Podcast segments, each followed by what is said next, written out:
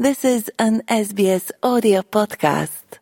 SBS acknowledges the traditional custodians of country and their connections and continuous care for the skies, lands, and waterways across Australia.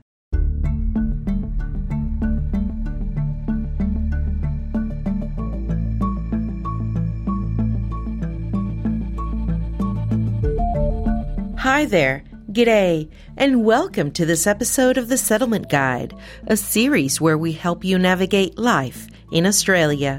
Whether you arrived today, have been living here for years, whether you were born in Australia or you're planning to move here shortly, this series is for you.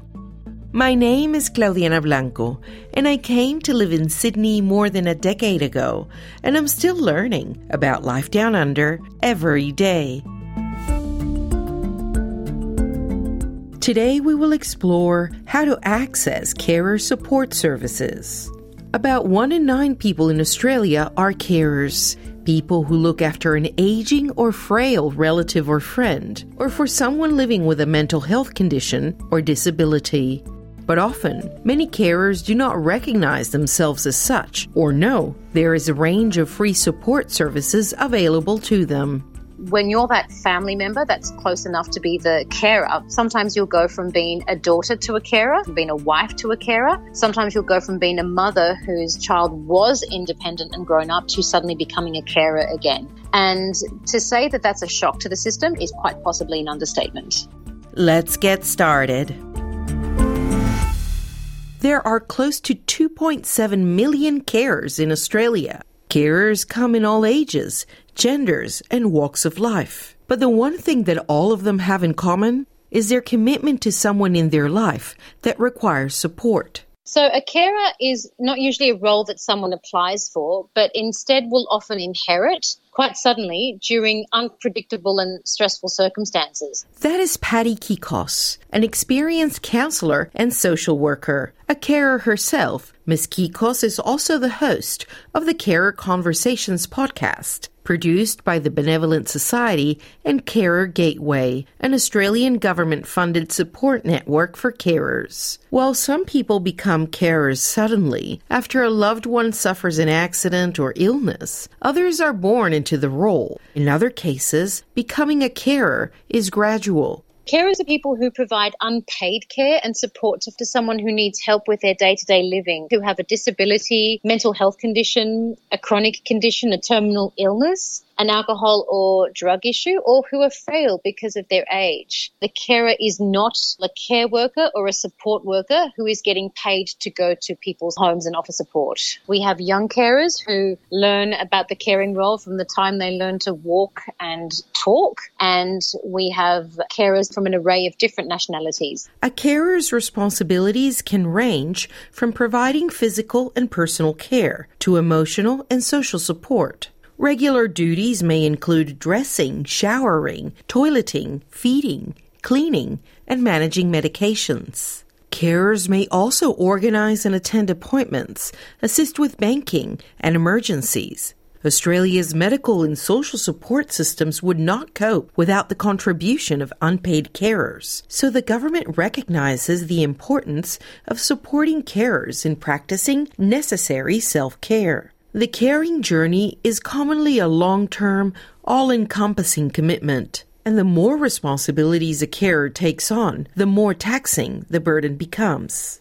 the caring role can get quite messy and it's not always a very specific goal task, goal task. It's usually synonymous with, oh my God, this just happened. Oh my goodness, someone's just wet the bed. Oh my God, someone's unwell. Do I take them to the doctor or to the hospital? So it means that you need to make constant creative adjustments with your schedule. And that incessant juggling of unforeseeable circumstances can upend a carer's life, as well as shift a family structure and dynamics when you're that family member that's close enough to be the carer, your whole entire personal archetype changes. So sometimes you'll go from being a daughter to a carer, from being a wife to a carer. Sometimes you'll go from being a mother whose child was independent and grown up to suddenly becoming a carer again. And to say that that's a shock to the system is quite possibly an understatement. Many carers fail to recognize themselves as such. So they may ignore the pitfalls of caring. They may not know there are support services to help them cope with the emotional stresses, financial hardship,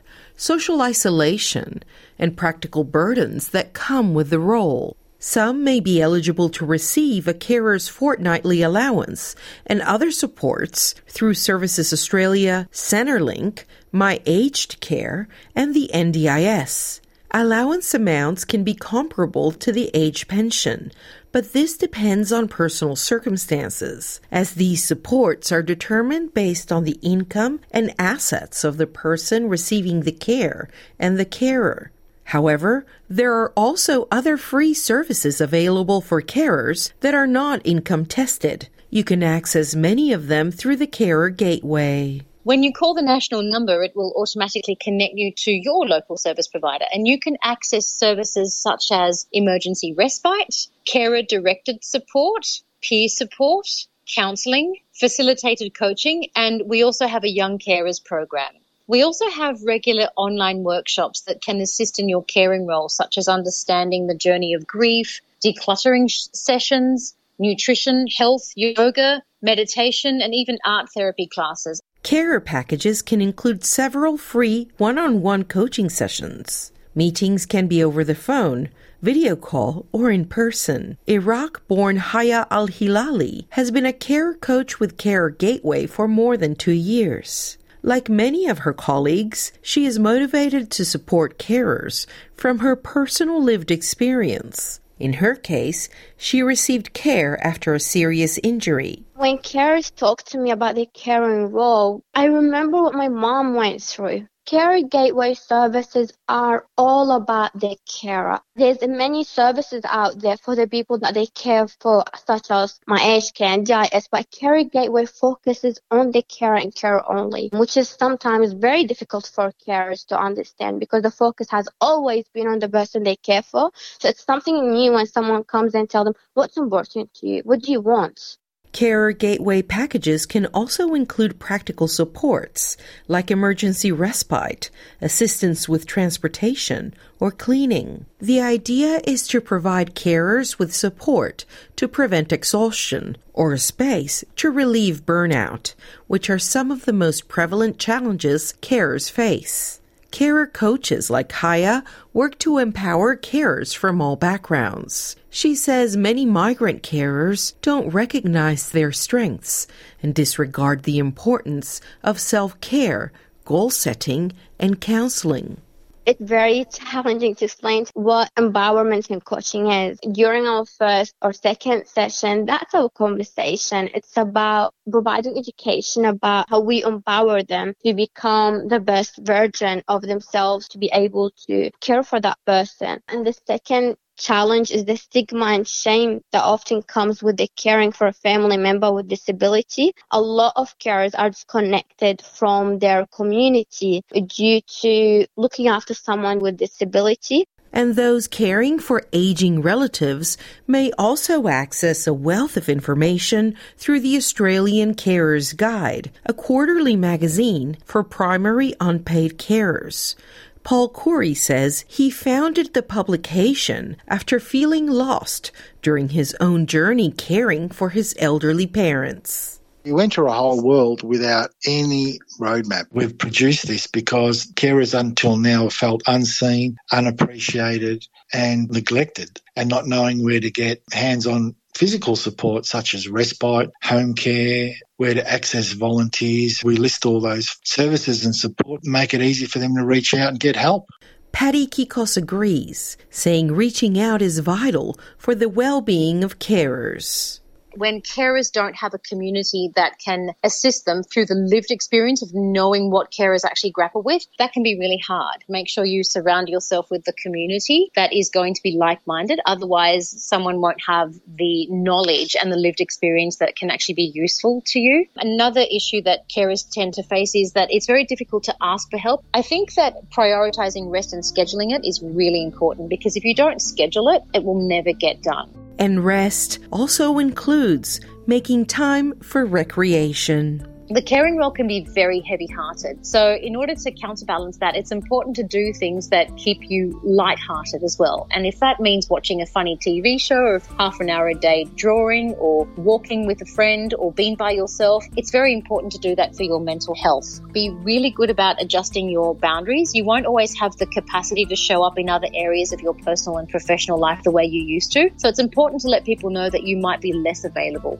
Thank you for listening to this episode of The Settlement Guide, written and produced by me, Claudiana Blanco. The Settlement Guide managing editor is Rosa Germian. Until next time.